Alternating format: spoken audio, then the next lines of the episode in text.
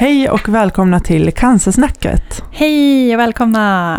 Alltså så kul, nu är det avsnitt två. Ja, det känns så kul. Ja, verkligen. Sist så vart det ju verkligen lite pang på bara och kanske ganska tungt. Så, men vi kände väl att vi ville börja där det startade för oss och bara berätta lite hur, varför vi gör det här och vart vi kommer ifrån lite Mm. grann. Så därför så kändes det som att det var naturligt att börja där och berätta om, om våra olika besked Mm. och vad som fick oss in här.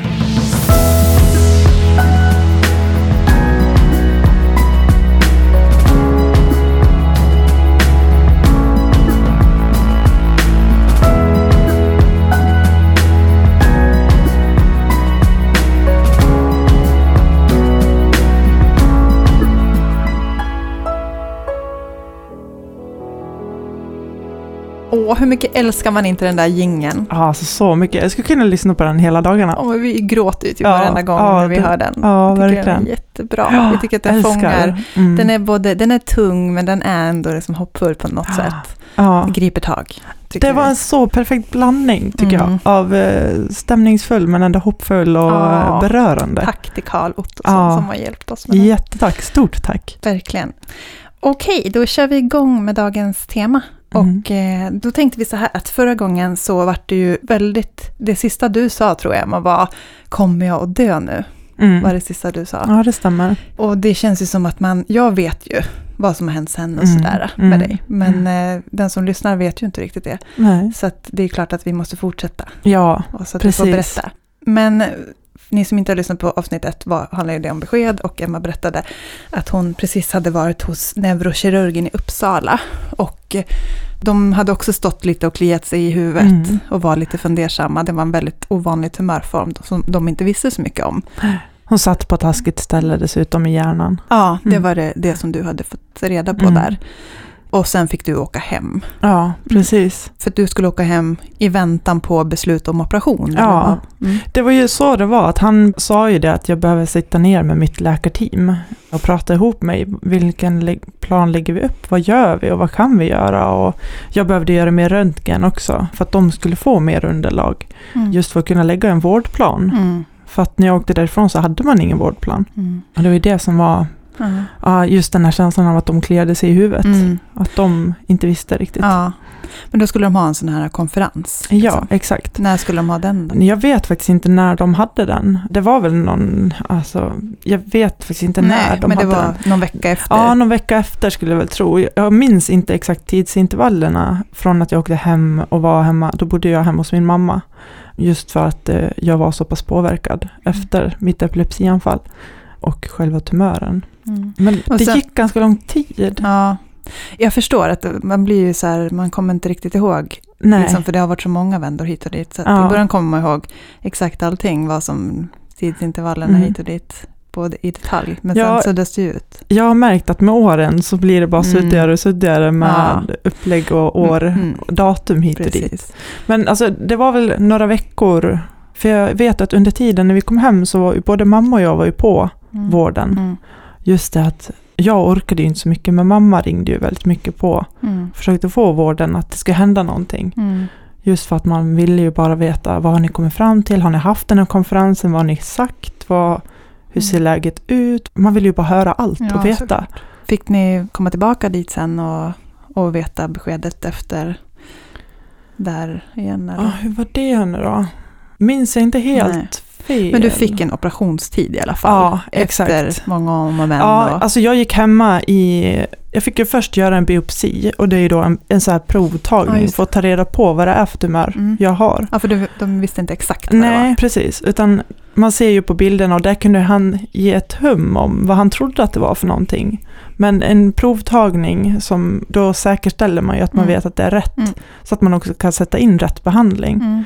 Fick du reda på vad det var innan operationen? Vad det var exakt för tumör? Nej, Nej, inte om jag minns helt Nej. rätt. Nej. okej. Jo, alltså efter biopsin. Efter biopsin Ja, fick du reda exakt. på Då fick jag reda på vad det var för det? Slags var det för tumör. tumör? En astrocytom grad 2 Mm. heter min. Okej. Och det är en elakartad form av hjärntumör. Mm. Den växer relativt långsamt. Mm. Och det är väl typ det man vet. Mm. Kändes det som att du kunde alltså, landa lite mer i när du fick veta mer exakt vad det var för slags tumör? Nej, alltså de hade ju fortfarande väldigt lite kunskaper om den. Mm. Det har min läkare sagt nu de senaste, det senaste året, att vi har lärt oss så mycket mer sen, ja, när jag fick min diagnos så hade de inte alls de kunskaperna de har idag. Nej. Så jag, det var ju fortfarande att man inte kände sig speciellt lugn Ja. när de sa att den var ovanlig Mm. och att den sitter på ett taskigt ställe i hjärnan och bara det här att den är elakartad, då sticker ju mina tankar iväg. Mm. Men Det är eh, inget bra liksom. Nej, nej, jag förstår det. Men sen så blev det operation. Mm. Just med tanke på att tema är väntan, Mm. så tänker jag, alltså när jag åkte från Uppsala, och Hanna, det här med att när jag sa i första avsnittet också, kommer jag dö nu? Från att jag åkte därifrån och var hemma, så var jag kanske hemma i två månader eller något sånt där, mer eller mindre, och så här konstant hade kontakt med sjukvården om att vad händer nu? Har ni haft er konferens? Vad har ni kommit fram till? Har ni hittat på någon vårdplan? Mm. Och den tiden var ju fruktansvärd. Mm. För det enda som åkte runt i mitt huvud det var ju, gud kommer jag bli förlamad? Kan de hjälpa mig? Kan de inte hjälpa mig? Och i så Mm. fall, vad innebär det? Mm. Om de inte kan hjälpa mig? Mm. Men hade du fått reda på från början, det här första beskedet i Uppsala, att eh, det skulle bli operation? Nej, Nej. utan det var ju just att vi måste göra mer undersökningar Ja, och göra, ta fler bilder just Mm. för att ta reda på om det ens går att göra operation. Just med tanke på att riskerna för förlamning var så pass stora. Ja. Och han sa ju att med tanke på att du är så pass ung så är det ingenting jag helst, alltså det vill inte jag utsätta dig för, Nej. sa väl han i princip. Mm. Och det var ju därför de var så fundersamma, vad gör vi? Mm. När den sitter där den sitter. Mm. Precis. När de fick reda på då, att jo men vi opererar dig, vi, Mm. hur gick tankarna då? Jag har för mig att jag var lättad. Mm. Alltså så här, ja ah, de kan göra någonting. Mm. För jag var ju, det var ju skräckscenariot att de inte kunde göra någonting alls. Mm. Vad innebär det? Det var ju därför jag kände så här, kommer jag dö nu? Min Mm. framtid, alltså när jag åkte från Uppsala och hade träffat neurokirurgen, då var det ju den här, det var ju den dödsångesten som jag gick runt med. Alltså på kvällen när jag skulle sova, jag kunde inte, det minns jag fortfarande och kan få tillbaka det ibland, så att när jag ska sova så får jag panik, att jag måste, tänder inte jag lampan inom tre sekunder, då dör jag. Och det är en sån stark känsla av att det är så sant, Mm. det kommer ske Mm. om inte jag tänder lampan. Så var det ju de två månaderna innan jag fick reda på att de skulle göra en operation. Mm. Men även tiden efter. Det har ju suttit i länge, den Mm. ångesten och Mm. dödsångesten. Mm. Och just att det griper tag och det känns så verkligt. Mm. Det är som att det är, alla celler i kroppen går liksom igång och så är det så Mm. svårt att förklara. Men det Mm. var mycket det här, samma känsla som när jag fick mitt epilepsianfall. Samma känsla att nu kommer jag att dö. Att det verkligen känns så. Mm. Det är så svårt att förklara, men just den här dödsångest, har man inte haft det själv så är det nog svårt att förstå, det är svårt att sätta ord på det. Mm. Men just att det är en sån stark känsla att man är övertygad om att det kommer ske. Mm.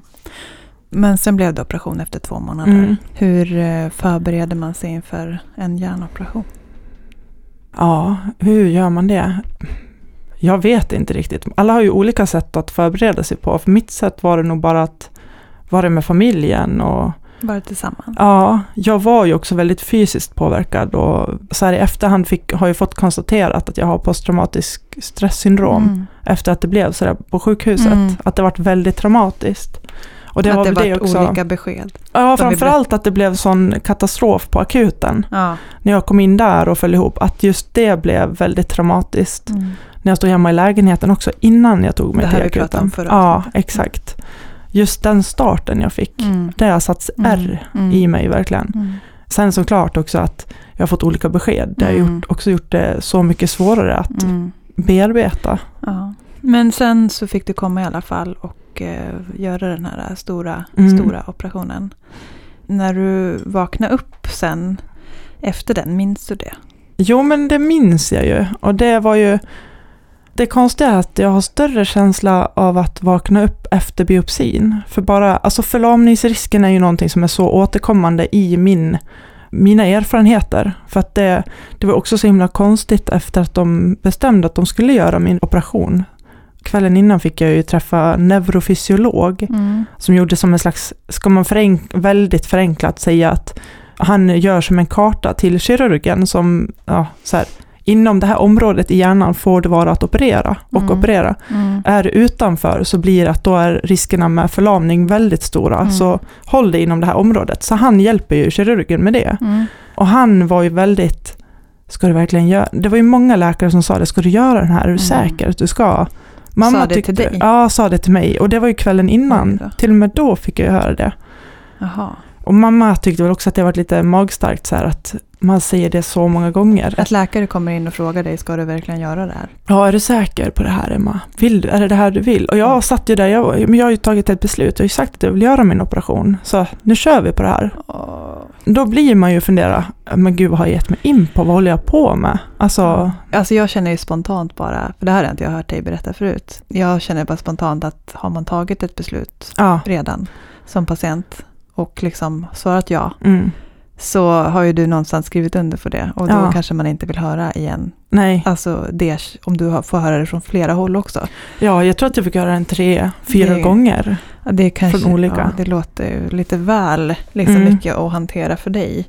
När du ligger där och väntar på att du ska. Ja, jag tror faktiskt att mamma sa stopp nu, nu får ni, hon har tagit ett beslut, hon vill göra operationen. Jag för mig att mamma sa till att nu, vi är informerade om riskerna och Emma vet också. Men hon har tagit ett beslut och det vart ju, det vart ju tufft. För det, då förstår man ju att okej, till och med läkarna, Mm. de rekommenderar operation och samtidigt så är de så här, ska du verkligen göra det här? Ja, vad ska jag säga? Nej men man vet ju inte. Ja, okej. Det är Mm. surrealistiskt. Underbar mamma du har som var med dig i det här. Och, Ja, tack och lov. Alltså det är ju, hon har ju verkligen stridit för mig och mm. de där gångerna jag inte orkat. Alltså Jag all den här väntan. Och det kan ju lätt bli att man faller mellan stolarna. Mm. Och då blir ju väntan ännu längre. Mm. Och för mig var det ju lång tid att gå hemma och vänta på och få reda på om jag ska opereras Mm. eller inte. Mm. Och den väntan var ju, det, jag kan ju så här i efterhand känna och när jag väl fick beskedet att nu ska vi operera dig, det var som en lättnad. Mm. Just den här känslan som jag tror jag nämnde tidigare att ah, de kan göra någonting. Mm. Alltså så skönt. Mm. Men det fanns ju såklart en stor rädsla för operationen Mm. också och vad den kunde bära med sig. Mm. Jag minns att den, under den tiden har jag aldrig sett så många människor i rullstol. De var Nej. överallt. Det där typiska. Ja, jättetypiskt. Alltså Ja. det är väldigt vanligt.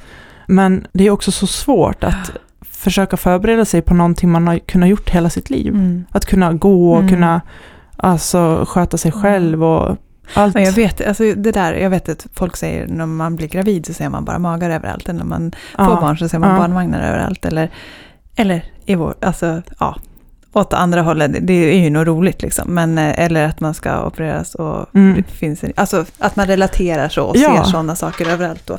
För det vet jag också när, när vi drabbades, så, eller när min man drabbades, så gick jag runt och tänkte på varenda person och för- förstod inte hur folk kunde vara så friska. Nej. Du vet, jag bara... Ja, men jag kunde, det var så märkligt hur, hur liksom så många kunde gå runt och se så friska och starka ut. Och så gick vi här och han var så sjuk. Det blir ju samma grej. Lite grann att det här man ser sin Mm. omgivning och så ser man vissa saker som sticker ut. Mm. Det att du ser friska Mm. människor och jag såg människor utan hår och Mm. i rullstol. Mm. Det blir att man, ja, som du säger också där när man är gravid och så man magar överallt. Det blir ju samma sak. Mm, Man blir så precis. medveten om situationen man, sitter blir i. Man bara helt plötsligt är alla gravida. Eller helt Mm, plötsligt sitter ja. alla i rullstol. Ja, ja, det. verkligen.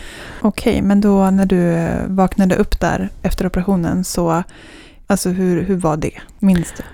Jag vet inte om jag kommer ihåg riktigt. Alltså jag kommer ihåg just känslan efter biopsin, den kommer jag ihåg, den var så stark. För redan när jag skulle göra biopsin, den här provtagningen, när man, alltså risken för förlamning fanns ju då också. Och jag kommer ihåg den där känslan när jag vaknade och tittade ner på mina fötter och såg att vänsterfoten rörde sig. Alltså den glädjen går inte att beskriva och den lättnaden Mm. går inte heller att beskriva. Den där känslan är så speciell, men att den är så stark, Mm. just den stunden. Mm. Det är nog något som jag aldrig kommer glömma. Och an, efter första operationen så var det, jag hade ju mycket huvudvärk och värk och allt sånt där. Och min vänstersida var ju påverkad. Att jag hade, handen funkade inte riktigt och det var sådana små, Mm. eller ja, små saker. Ja, men jag var inte förlamad. Hur jag länge- fick ju en skada på, så jag fick ju träna upp finmotoriken eller om man ska säga så här. Rörelsen i handen, att hålla i saker. För det, jag brukar säga lite att det glappar i hjärnan, det, är lite, det laggar i systemet. Att det typ tappar saker. Jag vet att du skojar jättemycket om, ja, om det där. Nu, att du, du har spilt ut en tekopp över datorn ja. och bara för att du, vänstersidan hängde inte med. Nej, du... det laggar lite. alltså, det är mitt sätt att hantera det. Ja. Eh, men just också så, för det, det, är ju det bästa Eller sättet typ jag, jag kan... har sett att du har suttit och skakat lite i din, i din vänsterhand och så, jag har bara lite epilepsi just nu. Ja. Och, så och skrattar bort det och bara, om ni tittar på mig, eller om ni ser det så, så är det bara något, ja men att Undrar du har ni vad jag håller på med så är det bara, ja. Ja. Mm. ja, men det kan ju bli sådär, för när det väl händer så är jag väldigt i mig själv och det som pågår i mm. kroppen. Och det blir samma sak med handen, att någonstans har jag lärt mig leva med det. Också det här att jag inte litar på min vänsterhand mm. till 100%, utan jag vet att den när som helst kan släppa, just för att det är lite glapp mm. mellan kontakterna i hjärnan och handen. Mm. Man kan ju se det lite som, alltså hjärnan är som en dator. Mm. Drar man ur sladden så funkar den inte riktigt och mm. är sladden lite trasig så går inte signalerna i datorn fram på samma sätt. Väldigt bra förklaring. Ja, jag tycker det är så likt hjärnan och ja. Eh, nervbanorna, eh, signalerna. Mm. mm. Därför jag säger att jag laggar lite, för ja. det gör ju datorer ja, också. Himla bra ja. ord för det. Men eh, hur länge var du på sjukhus efter operation? Jag var inte speciellt länge. Alltså jag, jag vet inte riktigt om, undrar om det var kanske två veckor, någonting sånt. Mm. Men läkarna var ju också väldigt förvånade över att eh, jag var så pass pigg. Mm. Jag hade ju mycket huvudvärk fortfarande. Det var ju bättre med jag kände ju att det var en plats, de fick ju bort 50% av tumören kanske jag ska säga. Så att det var ju ungefär ett halvt ägg som var kvar. Och det kändes stor skillnad i hjärnan. Mm. Men annars så var jag ju, jag var ju frisk i övrigt och väldigt pigg. Och de tyckte att jag var, tittar jag på mina grannar så mådde ju de mycket sämre än vad jag gjorde. Grannarna hemma eller? Ja, gud, ja. Förlåt, jag är otydlig. Grannarna på, intens, alltså på uppvaket. Ja, oh, Gud vad fel det kan bli. Nej men alltså grannarna på uppvaket helt enkelt. Ja. Jo men också just det här att jag var ju väldigt pigg och med. Jag kommer ihåg också när familjen kom och besökte och hälsade på. Jag satt ju och skrattade och skämtade och var ju mitt vanliga jag. Mm. Så här, hade paket på huvudet och hon hade gjort någon konstig fläta som jag satt och skrattade åt. Och var, så här, ja, det var jag med tofsen. ja, det är verkligen beundransvärt. Kan inte du bara säga vad du har döpt din Ja, men jag, ja.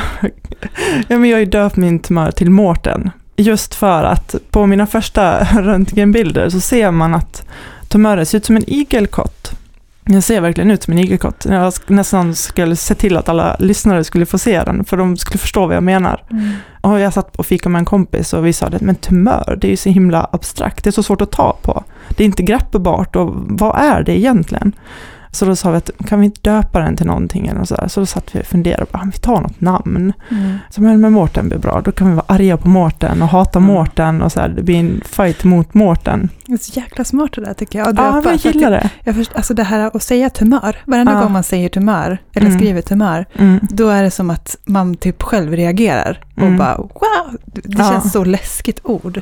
Ja, och vi märkte ju det, vi satt på ett café i Västerås och pratade om det här. Jag ju, det var ju ganska nyligen min, under min sjukdomstid. Och vi märkte att folk runt omkring så här, tittade varje gång, varje gång man skulle säga tumör så var det så här, ja tumör, man sänkte mm. rösten och man mm. kunde liksom inte prata riktigt. Så det, då är det mycket bättre, att man sitta där och prata om Mårten. Så behöver man inte krypa in längst nej. in i något hörn och sitta och smygsäga tumör. För jag tycker det är rätt skönt att man kan, ja men jag tycker det är rätt skönt att man kan sitta och prata om det vart som helst. Ja. Och att man då kan prata om det. Mm. För det är så viktigt, det har ju varit mitt sätt att hantera det, mm. att prata om det. Jättebra, mm. bra. Så förlåt alla, Sverige, alla ja. Sveriges Mårten. Det är, ja, Inget illa menat. Nej, det är taget ur luften. Ja.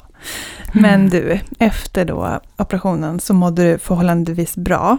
Ja. ja ganska bra. Jag fick ju träna och gå så här. Såklart. Det var ju svårigheter att gå i trappor och sånt där, i och med att jag inte riktigt kände min vänstersida mm. och avståndsbedömningen var inte riktigt med, så jag har ju fått träna upp Eh, mm. musklerna och mm. just mm. rörelsen i vänstersidan. Mm. Så jag var inte förlamad, mm. men jag fick en nedsatt funktion i mm. vänstersidan och hela, alltså halva kroppen. Så det var, ju, det var ju en daglig kamp. Bara det här med att diska, det gick ju inte. Alltså jag tappade ju och slog sönder och jag snubblade. Och, Ja. Så på så vis var det ju, det har ju varit tufft, Mm. men det har Men gått du- väldigt bra. Mm. Fick du reda på, för jag vet att du också fick strålning. Ja, precis. Fick du reda på det på en gång efter operationen? Eller eh, när fick du reda på att du skulle få strålning? Det fick jag reda på, jag för mig att man i samband, i samma veva, det här minns jag inte riktigt, så det kan hända att jag säger fel nu, men jag för mig att efter att man hade gjort operationen så pratade man om, ah, så här har det gått, så här Mm. mycket fick vi bort och bla bla bla. De har liksom pratat ihop sig, experterna, och sa att jo, vi vill ge dig strålning. Så att jag gjorde operationen i december och sen fick jag strålning sex veckor i februari-mars blir det. Ja. Ja, där någonstans.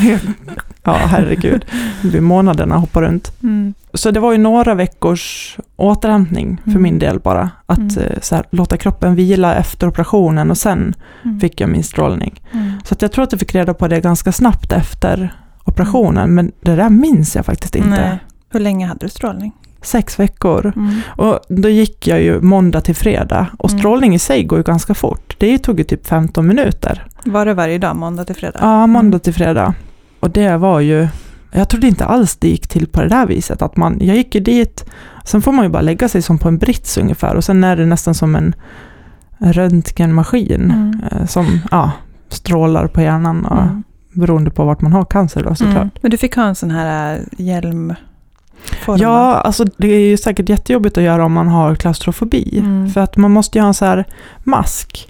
Så första, innan man kör igång med strålningen så får man göra en, det är som, typ, tänk om man gör, ska man göra, göra en riktig, om man ska göra en gipsmask. Tänk att det är samma som man lägger på som, den är ju varm och så formar den sig Mhm. efter sin Just. ansiktsform. Mm. Och sen knäpps den fast sen, alltså den stelnar ju. Och så Mm. får man ha den varje gång. Så sätter man fast den i britsen just för Mm. att man ska vara, alltså precis, ha samma läge och att man inte rör sig heller under strålningen så att Mm. man strålar friska celler. Ja. Men så det var ju väldigt speciellt, just Ja. att man satt fast. Men det gick också, har jag för mig, att hur man lång kunde... tid så här- var varje gång? Liksom? 15 minuter totalt. Ja. Alltså från att jag förberedde mig och la mig, alltså sätta fast den i masken och strålningen. Så själva strålningen kanske tog 10 minuter, Mm. Om ens det. Mm. Så det gick ju väldigt fort. Mm. Så trodde inte jag att det gick till. Mm. Har du fått något liksom, men efter det? Ah, ja, alltså mental trötthet. Det är ju jättetypiskt om man har en sjukdom i hjärnan och får behandling mot hjärnan eller gör hjärnoperation. Mm. Så att man har hjärntrötthet. Mm. Eller mental trötthet kan det Mm. också kallas. Just också att jag kan ju glömma bort vissa ord ibland eller slänga om ord. Alltså Mm. typ Handelsbanken Mm. säger jag ibland Bandelshanken. Mm. Och jag hör liksom inte att det låter konstigt. Nej. Och det, det är ju typiskt, eh, jag kan ju märka det på mig själv så här många gånger, så här, Mm. åh men vad håller jag på med? Mm. Man slänger om ord och Mm. glömmer ord. Så det är ju en typisk eh, biverkan som jag har fått efter behandlingen och operationerna. Mm. Och också just huvudvärk hade jag mycket av och trötthet, alltså enorm trötthet. Det var också väldigt vanligt, inget Mm. konstigt egentligen. Nej. Men du känner att det har blivit bättre? Ja, det har ju blivit bättre. Nu har jag nyligen gjort en ny operation, så att nu är jag lite på, inte riktigt ruta ett, men Mm. Alltså jag kände ju när det hade gått två, tre år efter operation och strålning, så jag började ju känna så här, ah, nu är jag med. Mm. Hjärnan är inte lika trög, det är inte som kola så här sekt Nej. liksom. För vi kanske ska säga det, att, eh, för då efter strålningen så gick du på behandling. Mm. Hur ofta gick du på behandling? Eller vad säger jag? Eh, Förlåt, inte behandling kontroll. utan kontroll. Ja, precis. Jag gjorde strålning sex veckor, sen var det ju kontroller var tredje månad ett tag. Sen när tumören inte växte, Mm. då utökade man ju tiden, så sen var det ju var fjärde månad och sen var det ju var sjätte månad. Mm. Så de sista, alltså det sista året gick ju en gång i halvåret bara på kontroll. Mm. Så det var ju bra i fyra år. Ja, för jag minns, eh, var det förra sommaren va? Mm. Så minns jag, var det maj? Så har jag för Ja. att du berättade att eh, de har sett Juni tror jag. juni. Men det var ju maj där någon gång. Ja, jag har för mig att det var försommar i alla fall. Ja, jo. Så vet jag att du berättade för mig då att de hade sett någonting och att de misstänkte att det var en, en liten Ja. ökad tillväxt. Jo, men det kan nog ha varit i maj, för att då vet jag att de, de såg det först. Ja, här misstänker vi någonting, men vi avvaktar Mm. lite och gör en till röntgen Ja, om tre månader och Mm. ser, har det hänt någonting Mm. mer? Så då gjorde man ju en till röntgen sen och såg det att ja, men den växer igen. Mm. Den fortsätter växa. Mm. Så då, då blev det ju ny behandling, eller operation Ja, blev det. Så det och sen sitter ja. vi här idag. Ja, precis. Det är ju ett nästan lite jag har ju inte varit beredd på att göra det här nu. Så Nej. det är jättekul att sitta här och kunna Mm. göra det faktiskt, Ja. trots att situationen ser ut som den gör. Ja, jag beundras av dig varje dag, Emma. Mm, men jag beundras ju av dig också, så det är ömsesidigt. alltså. Sån inspiration. Ja, nej men faktiskt på riktigt. Det, du är grym. Jag tänker att vi går över till dig Lotta. Mm. Och förra gången i första avsnittet så slutade ju med att du fick gå hem och berätta för din man. Ja, men lämna hans diagnos helt Ja. enkelt, beskedet. Ja, precis. Och tänk om vi fortsätter lite därifrån. Ja. Vad hände efter det? ja, då var det ju en väntan av alla möjliga olika slag. Mm, Vi skulle ju få träffa den här läkaren som hade ringt mig två dagar senare. just sånt. Mm, Och då fick vi ju prata med honom mer och fick ju även reda på det här att eh, de skulle göra en till bedömning och se om det här kunde opereras eller Mm. inte. Mm. Och då skulle de ha en sån här stor konferens med olika specialister ja, där de tittar på det här då. Och eh, det vi fick höra då var väl att den här eh, cancerformen, om den är, finns en spridning till Mm. andra organ från inte bara lever och gallgångar utan andra organ så brukar man inte operera. okej. Utan då blir det mer bromsande syfte via Ah. alltså cellgiftsbehandling Mm. och så. Så det var väl det beslutet som vi väntade på efter att han fick sin diagnos. Mm. Kommer du ihåg liksom hur, hur det var för dig den här tiden? Att sitta bredvid, tänker jag. Ja, jag vart ju på en gång att jag ville skynda på allting. För det kändes som att det tog, allting tog sån himla lång tid. Mm. Som jag sa förra avsnittet tror jag. Att eh, man trodde liksom att eh, allting skulle ske nu på en gång. Mm. Att det liksom, ja men nu har de hittat det här jättefarliga i din mans kropp. Nu Mm. Kommer vi ta bort det så fort vi bara kan. Mm. Och gärna imorgon. Alltså man trodde Ja. liksom att våra vänner var så, ja men han blir väl inlagd imorgon då. Att Ska vi blir... skjutsa er till sjukhuset? Vi, vi kan Mm. följa med liksom. Och så var det ju inte, utan Nej. då var det det här besöket hos eh, läkaren och sen så var det att vänta på den här stora konferensen som skulle vara, som skulle besluta vad som skulle hända härnäst. Mm. Och efter det så var det också så märkligt för att då skulle vi få en kallelse antingen till kirurgen eller till onkologen där, beroende på vad det Mm. fattades för beslut. Okej. Och då när vi fick en kallelse från kirurgen så blev vi glada. Ja, Så att då tänkte vi att då kanske det blir operation.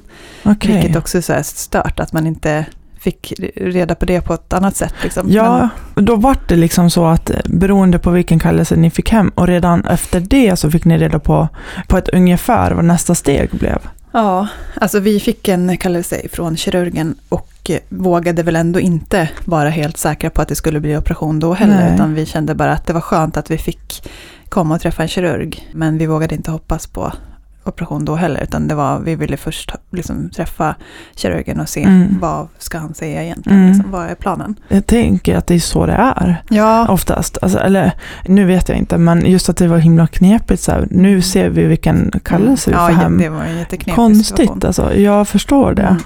Men i alla fall så fick vi Mm. träffa kirurgen och det var väl eh, två veckor efter det här stora mötet. Mm. Så allting tog hela tiden sån tid Ja, som man inte förstod. Varför ska det ta sån tid? Mm. Nu har de ju haft det här mötet, kan de inte bara boka in oss dagen efter? Liksom? precis. För allting var så känsligt i början. Mm. Det Mm. var bara nu när vi har levt med det här i tre år så har man mer förstått att tiden Alltså, det kändes som att det var mer kritiskt liksom, i början och man var inte van med att hålla på och vänta. Man ville bara att den här operationen skulle ske. Det var ju det som var liksom det absolut väsentliga. För att vi träffade kirurgen som sa att det, vi ska försöka göra en operation.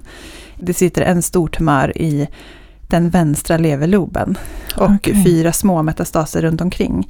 Men de sitter så att man, man kan försöka göra en operation. Men det är inte, vi ska göra ett försök till en operation. Vi Mm. kan inte veta än om det kommer lyckas.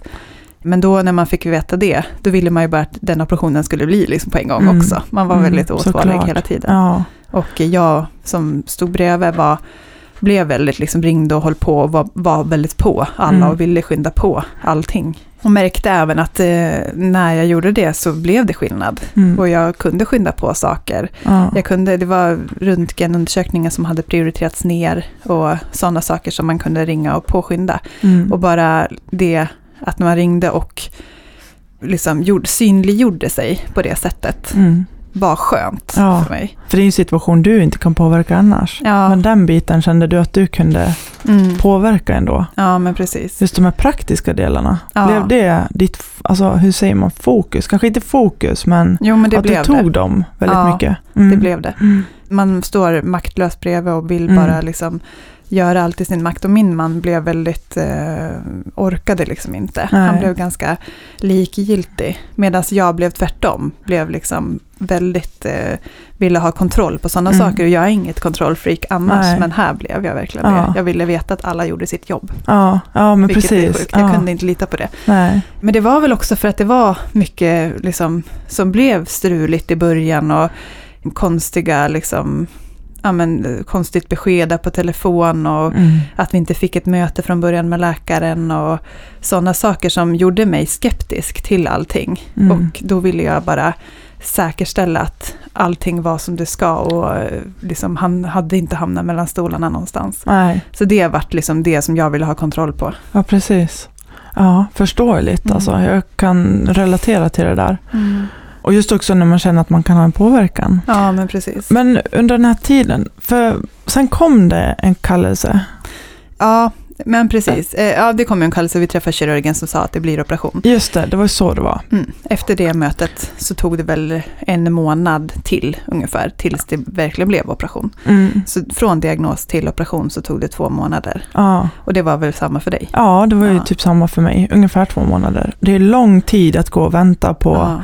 Alltså den där tiden. Mm. Man vet ju inte riktigt hur tankarna ska gå. Och man vill ju, som du sa också, så att det bara ska bli nu, nu, nu. Mm. Ja, men precis. Men hur gjorde du? Vad gjorde du under den här tiden? Ja, jo men man vill ju det, att det ska bli så här nu, nu, nu. Och Mm. man, han fick ju mer ont Ja. i sidan. Och, liksom, och vi var ju så himla oroliga. Mm. Därför ville man ju bara ha bort det här. Och operationstiderna är ju olika för alla cancerformer Mm. förmodligen. Men eh, med honom var det så att det var ju en, en speciell kirurg som var tvungen att göra det här, som hade den här kompetensen. Mm. Och den, den är inte så vanlig. Det är väldigt Nej. få som besitter den. Så då gör ju det också att man får vänta länge liksom, Ja, på att det precis. ska vara rätt. Liksom. Mm. Och det är ju jätteviktigt att det är rätt Ja, människor på, på plats. Liksom, och allt det. Så det är, det är ju liksom, enligt sjukvården så var det liksom värt väntan.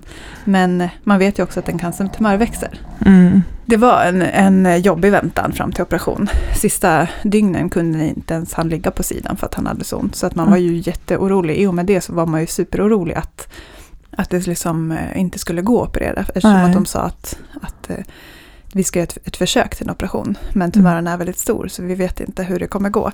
Och då när han får mer och mer ont så är det klart att oron ökade ju bara ännu mer. Så Mm. det är ju liksom väldigt så här, psykisk terror Ja, att gå och vänta på en sån här sak. det finns ju någonstans hela tiden i bakhuvudet. Mm. Alltså, Man var så orolig att den hade växt så mycket. Liksom. mm. Så att när operationsdagen väl kom så eh, opererades han i Stockholm och jag och hans syster fick låna en lägenhet av en vän till oss och tog en promenad under hans operationstid. Mm. Jag tror vi gick och tog en fika men vi var liksom inte närvarande. Nej. Och man, jag vet att känslan var bara, kan man inte bara klippa ur den Mm. här tiden, ur liksom livet? Alltså bara gör det här till söv mig. Alltså jag, Ja. För att man, man var så himla nervös och eh, orolig och visste liksom inte hur man skulle hantera tankarna eller känslorna eller någonting. Nej, förståeligt alltså. Eh, Vad gjorde ni under, hur lång tid tog operationen? Kommer du ihåg det? Det tog, jag tror det tog ungefär fem timmar. Ja, känns det som en lite omfattande och stor operation. Ja, men det var det Mm. ju. Och eh, kirurgen ringde mig till slut vid eh, halv fem tror jag. Mm. Ungefär. Och då var man ju, när telefonen väl ringde, så var man ändå så tacksam. Typ att den ringde så sent. Ja, För att man var så oro- orolig att han skulle ringa tidigt. För det skulle, i min hjärna skulle det betyda att operationen kanske inte hade lyckats. nej. Så att jag var ju, alltså jag, jag vet att jag fick två samtal på förmiddagen där. Ifrån ja, två vänner. Mm. Och det var bara så här, man var ju ja, hjärtat i halsgropen varenda gång liksom. Mm. Men sen så ringde läkaren till slut vid halv fem ungefär och sa att operationen har gått bra. Eh, Mm. Vi har fått bort det vi har sett. Vi såg ytterligare en metastas som hade stuckit iväg längre in i levern. Eh, Mm. Den kunde vi inte ta liksom, och skära bort så, utan den fick vi lov att bränna bort. Eh, Okej. För att den satt så pass långt bort. Liksom. Så det var ju också lite jobbigt att höra för att man ville ju att det skulle tas med marginal. Mm. Att det skulle tas... Så att man tar själva tumören och lite till, lite Mm. extra för att vara på säkra sidan. Precis, Ja, exakt. mm, okej. Och då sa jag det på en gång att nu kunde ni inte ta då med marginal då när ni skulle bränna bort den här. Mm. Nej, det kunde vi inte göra då, sa han. Så att, och i mitt huvud så fanns det ju fortfarande det här att cellgifter funkar inte. Det behövs bara Mm. en, en extremt lyckad operation för att det ska kunna botas. Mm. Så att, eh, ja, det var jättejobbigt att höra. Men jag, jag behöll ändå lugnet och var ändå tacksam för att operationen hade gått bra. Mm. Den värsta smällen var väl när man liksom fick se han på sjukhuset första gången med alla slangar och allting. Mm. Och såg att ja, nej men det här hände verkligen på riktigt. För, för mig hade det liksom inte varit riktigt verkligt. Nej. För att eh, han hade ju bara fått en diagnos liksom. Och mådde ju som oss andra. Mm. Man såg ju inte på honom alls. Liksom. Nej. Och det blir väldigt tydligt när man ser någon i en sjukhussäng och Mm. sjukhuskläder och den miljön. Då blir precis. man ju väldigt, alltså det blir ju aldrig så tydligt som då. Nej, nej men Egentligen. precis. Nej, så det, det var liksom då så kom allt i kapp också. Mm. Liksom, att, Mm. att eh, man eh, på något sätt hade man hoppats på att det här är inte verklighet. Nej. Alltså man hade liksom inte insett. Och sen när man såg honom på sjukhuset så förstod man att jo men det Ja. är det. Liksom. Det blir lite det här att väck mig ur den här otroligt dåliga drömmen. Ja, ja, men det är ju verkligen så. Vi har två hundar här som springer omkring och gnäller och skäller och allt vad de gör Ja, busar lite. så Ja. om man hör det i bakgrunden. Så här. Det är två pälsbollar som busar. ja. Ja. Nej, så det är ju, väntan är en av de absolut värsta delarna i allt det här. Och speciellt den ovisa väntan. Mm. Den är nästan värst av alla. ja, när man inte vet. Mm. Om man bara går och väntar på att få reda på någonting. Mm. Precis. Ja, så då när du såg honom på sjukhuset, var det liksom då det verkligen gick upp för dig att det här händer? Eller hur ska Ja. man säga? Det var då paniken kom Ja. på något sätt. Och det tror, alltså jag jobbar ju inom det här och har jobbat med alla möjliga olika former av liksom, sjukvård och patienter. Och, så jag trodde typ att nej men ja, det här kommer jag fixa och se honom, det är inga, liksom, det, det är inga, och se honom ligga i en sjukhussäng med massa slangar och övervak. Mm. Det har jag sett så många gånger på så många patienter, så det trodde inte jag skulle liksom vara så tufft för mig. Nej. Men det var sån skillnad och det är ju självklart när man tänker efter att det är det. När det är Mm. så nära som man ser liksom, i de- den utsatta situationen. Precis, såklart. Men det var så att när jag såg honom där första gången efter operationen med alla slangar och övervak och allt sånt så var det en jäkla käftsmäll. Liksom. Mm. Och liksom att det blev en reality check. Och det var då som allt kom ikapp. Och det var då också jag började få panik. Mm. Att, alltså, eller det hade jag haft innan också, men inte på det här sättet. Att man bara kände så här, nej men alltså ta bort det här nu. Mm. Nu får det vara bra, nu räcker det, nu har det varit en operation. Mm. Nu ska det vara bra. Och så när man förstod att, att det kommer inte vara bra, det kommer inte vara bra på flera år. Det här, det här är, nu är det så här. Och det kommer vara sjukhus nu och du kommer få se honom så här. Den starka personen som jag lever med som Ja. kommer att vara, ja, jag kommer få se honom i olika sådana här situationer. Liksom, Ja. och det var, ja, usch. Det blir ju en jäkla käftsmäll, verkligen. Mm, ja. Och just när det sjunker in. Mm, precis. Men efter operationen, fick han någon behandling? Alltså cytostatika eller vad hände sen? Ja, det, var, det hände väldigt mycket där Mm. eh, och det var väldigt eh, traumatiskt och dramatiskt, eller vad man ska säga, allting. Men han var på sjukhus fem veckor efter operationen, för det har varit väldigt lång eftervård och efter rehabilitering och Mm. infektioner efteråt och en massa strul så, så han låg inne väldigt länge. Jag tog ju ledigt ifrån allt, liksom mitt jobb och allting och var Mm. bara med honom. Fick bo hos en eh, kompis i Stockholm och eh, åkte till, Stockholm, eller till sjukhuset varje dag då, så att jag hade nära. Sen till slut så fick vi komma hem och sen fick vi en kallelse till onkologen och eh, första mötet där med onkologen så hade han också precis gjort en ny röntgen efter operationen. Mm. Just för att han hade en feber som inte gav sig och den blev värre när vi kom hem också. Att den gav sig inte, så då gjorde de en röntgen. Så att när vi träffade onkologen första gången där så skulle vi få reda på det här svaret också från Okej. röntgen. Ja. Och då så var det så att de hade sett att det hade kommit tillbaka tumörer Ja. på en gång. Och det var ju också så sjukt Mm. konstigt. Och liksom Man fattar ingenting. Nej. Han har ju precis fått bort dem. Ja, vad är det precis. nu? Alltså vad, vad är det här? Det är väl bara Åh att fan. Ja, men det var jättemärkligt. Och, eh, så då var det från att det skulle bli cytostatika som skulle vara i kurativt syfte, som det heter när det ska vara liksom en tilläggsbehandling, där man ska få bort de osynliga cellerna och försöka på bot, Mm. till att det blev en palliativ cytostatikabehandling, som läkaren egentligen inte sa till oss alls, utan som vi såg på papperna som låg Mm. på bordet. Typ att, och han, men han sa ju att det kommer bli en, en bromsande behandling. Mm. Så han startade upp med, med cytostatika efter ett tag. Mm. Och eh, jag tror att det var, om det var kanske ett halvår. Ja. Sånt där som han, Så man fick behandling? Ja. ja. Och sen gjorde man utvärderingar allt eftersom under Mm. tiden. Men han mådde väldigt bra av behandlingen. Jag tänkte just fråga, hur, hur, blev, hur, hur blev han av behandlingen? ja. För jag tänker cellgifter, det är också så olika från person till person, Mm. hur man påverkas av dem. Ja, han mådde väldigt bra och det var också en rädsla som jag hade, att han skulle tappa håret och allt sånt Mm. här. Och det kände jag mig så jäkla larvig, att jag hade den oron, för det kändes så himla tuntigt. Att, eh, men det, på något sätt så tror jag att då skulle jag se det mer dagligen. Mm. Liksom. Ja. Och det skulle bli så tydligt Mm.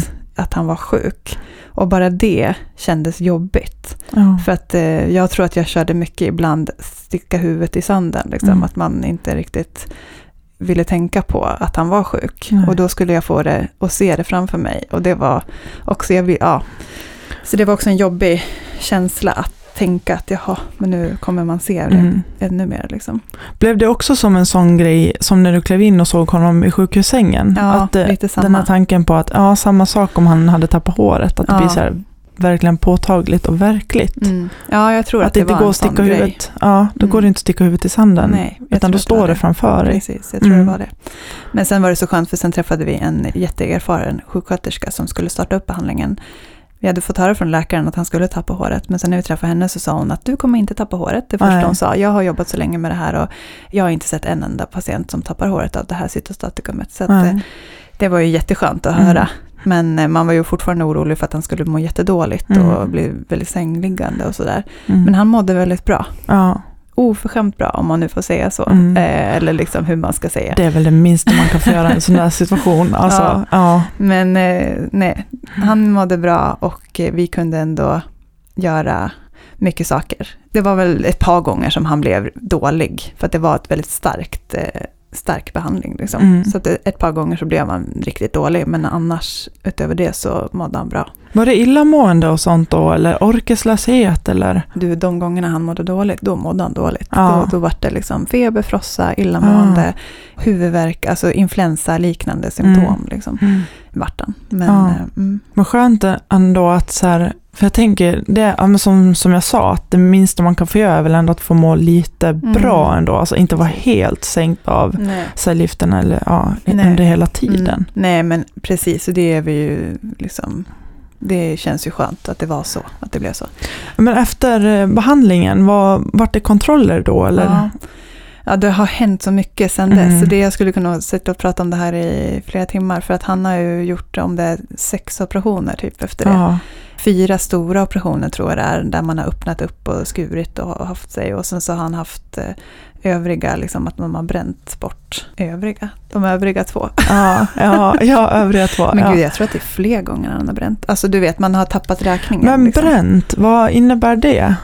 Ja, Är det då, någon titthålsoperation då, eller vad gör man? Mm, precis, kan du förklara det lite kort? Nej, det kan jag inte just Nej, nu. Alltså jag, jag vet inte exakt, liksom, men, men det är titthål på något sätt och de öppnar inte upp och det är inte lika stor operation och eftervården blir inte lika liksom, intensiv utan han har gått hem ett par dagar efter sådana här Okej. operationer. Det Mm. blir väldigt liksom, små påfrestningar på Mm. övriga kroppen och han blir inte lika sänkt. Okej. Så på det sättet så är det skönt. Mm. Men man kan inte få bort liksom, ja, jag ska inte säga för mycket, så jag, jag vet inte för mycket, Nej. så mycket om det. Men, men i alla fall så, det har funkat bra för honom. Mm. Han har liksom haft, vissa gånger då cancern har kommit tillbaka så har det varit eh, väldigt små tumörer Mm. och då har de kunnat bränt bort dem. Mm. Så det har varit många, många liksom vevor där han har svarat bra på behandling. Mm. När han fick tillbaka de här första tumörerna så var ju läkarna väldigt skeptiska. Och Mm. vi fick uppfattningen av att eh,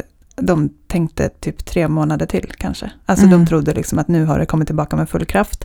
Han kommer inte svara på cytostatika för det är få som gör det tyvärr Ja. med den här cancerformen. Mm. Så att det, den uppfattningen fick ju vi. Men vi, vi valde att liksom, för att vi skulle orka så valde vi att inte lyssna på, på de orden. Utan vi tänkte att det är klart att du kommer svara på cellgifter. Mm. Självklart så kommer det här att bli bra. Mm. Nu, det finns alltid en plan B. Och eh, han svarade jättebra första gången på cellgifter. Det blev operation igen och sen så har det varit några sådana vevor. Mm. Ja, jag tänker det. det är sex operationer. Jag förstår ju att det blir mycket fram och tillbaka. Mm. Och Ja.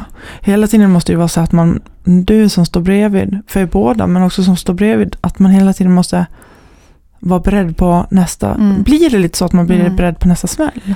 Ja, alltså vi har nog lärt oss lite att det alltid finns en plan B. Ja. För vi har liksom eh, förstått att eh, funkar inte det här, ja men då kanske han slutade svara på ett cytostatikum en gång. Att liksom, han fick ingen bra respons, tumörerna växte ändå.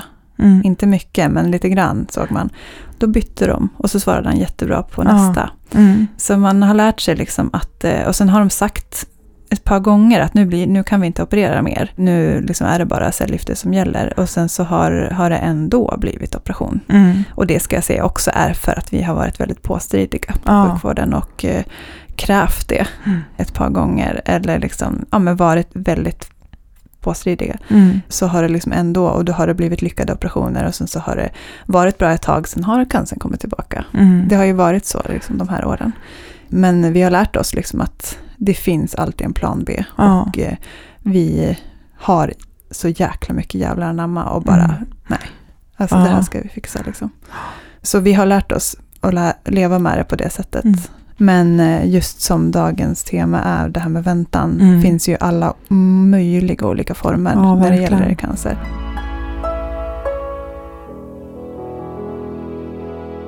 Ja, alltså det blir ju mycket så här fram och tillbaka och med allting det här. Ja. Och just väntan, det här är också, alltså jag tänker när det gäller alla cancerämnen eller vad man ska säga, så här, olika situationer, Mm. så känns det som att man kan prata hur länge som helst om Mm. och diskutera fram och tillbaks. Ja, men verkligen. Jag känner ju när jag hör på dig Lotta, att eh, jag kan ju känna igen min mamma i den rollen du tog. Att du var den som var och krigade på, på, på sjukvården, liksom att nu måste det hända någonting. Och jag kan känna igen mig i, i din man, att han inte orkade när han var sjuk. Och så här, för som drabbad, om jag utgår från mig själv, så är det att man har så mycket med sig själv. Jag hade det. Mm. Just det här att det tar så lång tid innan man ens fattar vad det är som pågår. Mm. Och då de här praktiska bitarna runt omkring, det vill man ju bara att det ska ju bara klaffa Mm. och fungera. Ja. Och tyvärr så gör det ju inte alltid det, utan Nej. då behöver man, jag har ju insett det att många gånger, jag har ju fallit mellan stolarna, så där har ju mamma hjälpt mig jättemycket Mm. genom att, precis som du, så här, ligga på sjukvården och ringa. Mm. Ja, men när man börjar märka att, man faktiskt, att det faktiskt börjar hända saker och Mm. man gjorde faktiskt skillnad när man Mm. ringde och tjatade och höll på och var jobbig. Mm. När man märkte det, då blev det ju bara att man gjorde det ännu mer. Och så blir man också lite rädd att det är så. För att det känns ju som att eh, det inte ska vara så. För att eh, man blir ju rädd för de som inte har Ja. det här stödet ifrån någon nära anhörig. Verkligen. För det är klart att det finns sådana som inte har det. Mm. Då är det ju inte likställd vård Nej, alls. och det är det ju inte. Nej. Det kan vi väl faktiskt vara ärliga Mm. med att säga. Nej. Alltså för alla har inte de här anhöriga eller någon närstående som kan ta den här biten som man Mm. kanske själv inte orkar. Nej. Och då tar det oftast längre tid. Mm. Ja, det är ju jättestört att det ska vara så att man kan få ner väntetiden till att få den kortare om man är påstridig och Ja. liksom är på. Men sen är det också det att, ja men som vi sa, med liksom att det, är väl olika för olika cancersjukdomar. Ja. Liksom. Exakt. Att det, det finns de liksom cancersjukdomar som är väldigt, eh, liksom, det finns tydliga vårdplaner, Mm. liksom, vårdprogram Mm. som säger att du ska opereras inom sju dagar och du ska Mm. påbörja cellgiftsbehandling inom, liksom, att det finns tydlighet. Liksom. Ja. Och det tror jag nog är väldigt viktig Ja. när man när man blir drabbad. Ja, verkligen. Där kan jag se en jätteskillnad mellan, alltså jag är ju också anhörig, det är ingenting jag har sagt, nämnt tidigare, men jag är anhörig till min syster som har bröstcancer, sjukt nog. Och för henne har det ju varit, hon har ju haft en vårdplan från början, så det har ju varit så här, hon fick diagnosen, sen gick det ett tag, men det har hela tiden varit så här, nästa steg är det här, sen händer det här och nästa, efter det så blir det här, det här, det här. Det har liksom varit lite bam, bam, bam. Sen har det ju tagit tid. Mm. Men det har funnits en sån tydlig plan och för mig var det ju så här, Var det inte första, nej, det var, har varit helt olika. Men det måste ju ha varit skönt att kunna landa i det när man får ett besked, ett cancerbesked. Mm. Att man vet liksom exakt planen. För det är ju lite, kan jag känna igen mig, när jag liksom fick kontroll över allting som jag ringde och tjatade om och höll på. Mm. Att det liksom, då fann jag en slags trygghet i det. Så då kan Mm. jag jämföra det med om det redan skulle funnits en utstakad plan så att jag inte skulle behövt göra det här. Det hade ju bara varit skönt både för min man och för mig. Mm. Om det liksom hade Mm. varit att ja, men om två veckor så är det det här, om tre Exakt. veckor så är det så här.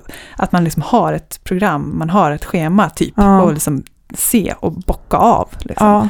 ja, för så tycker jag, när jag, nu ska inte jag prata för min syster, men jag vet när jag pratade med henne så har det ju varit lite så här att nu, det har varit just det här som du sa, bocka av. Jag har ju inte kunnat gjort det, för för mig har det bara varit så här, det är som att jag famlar runt i mörkret Mm. utan ficklampa och Mm. hon har haft en ficklampa och ändå Mm. kunnat se stigen någorlunda. Jag har bara, Precis. vad fasiken händer näst, Nej. härnäst? Och läkarna har ju inte vetat. Nej, och det är lite samma, även fast det fanns ett vårdprogram eller Mm. vårdplan liksom, för den här, så var det ju ändå också så att det var så främmande och det var som att vissa läkare hade aldrig stött på den här cancerformen förut. Liksom. Så att jag känner igen mig i det, liksom, för det var lite samma för oss också, att, Mm. att det inte fanns någon ficklampa. Liksom. Nej, nej, precis. Alltså, för det blir väl också lätt så när det är ovanliga former Mm, av precis. cancer. Och det Mm. är ju väldigt olika när det gäller cancer, vilken cancer man får. Mm. Men vi kan ju i alla fall sammanfatta det med att både som drabbad och som närstående så är väntan, Mm. och speciellt den ovissa väntan, Mm. nog det värsta som finns. Absolut. Att inte ha ett svar eller att inte veta någonting. För oss var det så. Det är ju också sjukt, för man, man trodde ju när man var i den här ovissa väntan att så här, vi vet inte om vi vill veta. Och när vi väl fick veta, Mm. oavsett om det var bra eller dåligt, så var det alltid på något sätt en mer tryggare känsla man fick. Mm. Jag har alltid känt det när jag fick, har fått lite mer svar eller att frågetecknen har blivit lite färre. Då kan jag har jag alltid känt mig lite mer lättad. Mm. Eller så här, ah, att jag har andats ut lite men ändå, alltså ändå går man ju på helspänn på något Mm. vis. För att man, det är ju en överjävlig situation rent Mm. ut sagt. Mm. Men att man, alltså ju mer svar man kan få desto bättre. Ja, man har någonting att förbereda sig för, man har Ja. någonting att bara bygga upp sitt jävlar anamma inför. Exakt. Liksom, och eh, någonting att relatera till. Mm. Jag tror att vår hjärna funkar typ inte när vi inte har någonting att greppa tag Nej. i. Liksom, den bara letar liksom, Aha.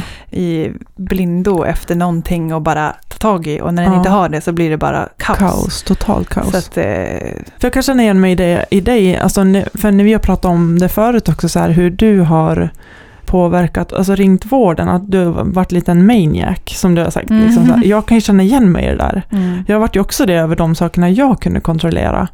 För att allt kan man inte kontrollera. Och då blir det att de delarna jag kan påverka, eller kanske är så här, då vill man påverka dem. mm, För allt annat är ju bara utan, Mm. utom ens makt precis. på något vis. Men väntan är ju Mm. för jäklig. Pain in the ass. Ja, verkligen. Mm. Men det känns också som ett så viktigt ämne att prata om. För att det är så många som har den här väntan. Mm. Ja. Där hoppas man ju att det blir bättre. Eller Mm. ja, jag vet inte. Cancervården är ju, det är svårt. Ja, alltså vi, Sverige har väl säkert förmodligen en suverän cancervård såklart. Mm. Men jag tror att det går att effektivisera på Ja. många olika plan. Och det finns mycket tidsspill hit och dit. Mm.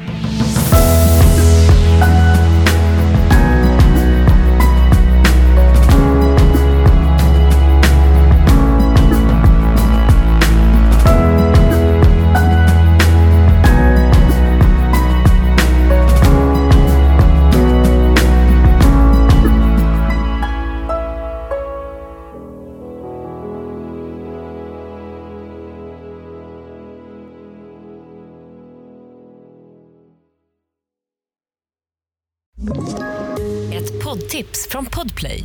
I fallen jag aldrig glömmer djupdyker Hasse Aro i arbetet bakom några av Sveriges mest uppseendeväckande brottsutredningar. Går vi in med hemlig telefonavlyssning och, och då upplever vi att vi får en total förändring av hans beteende. Vad är det som händer nu? Vem är det som läcker? Och så säger han att jag är kriminell, jag har varit kriminell i hela mitt liv men att mörda ett barn, där går min gräns. Nya säsongen av Fallen jag aldrig glömmer på Podplay.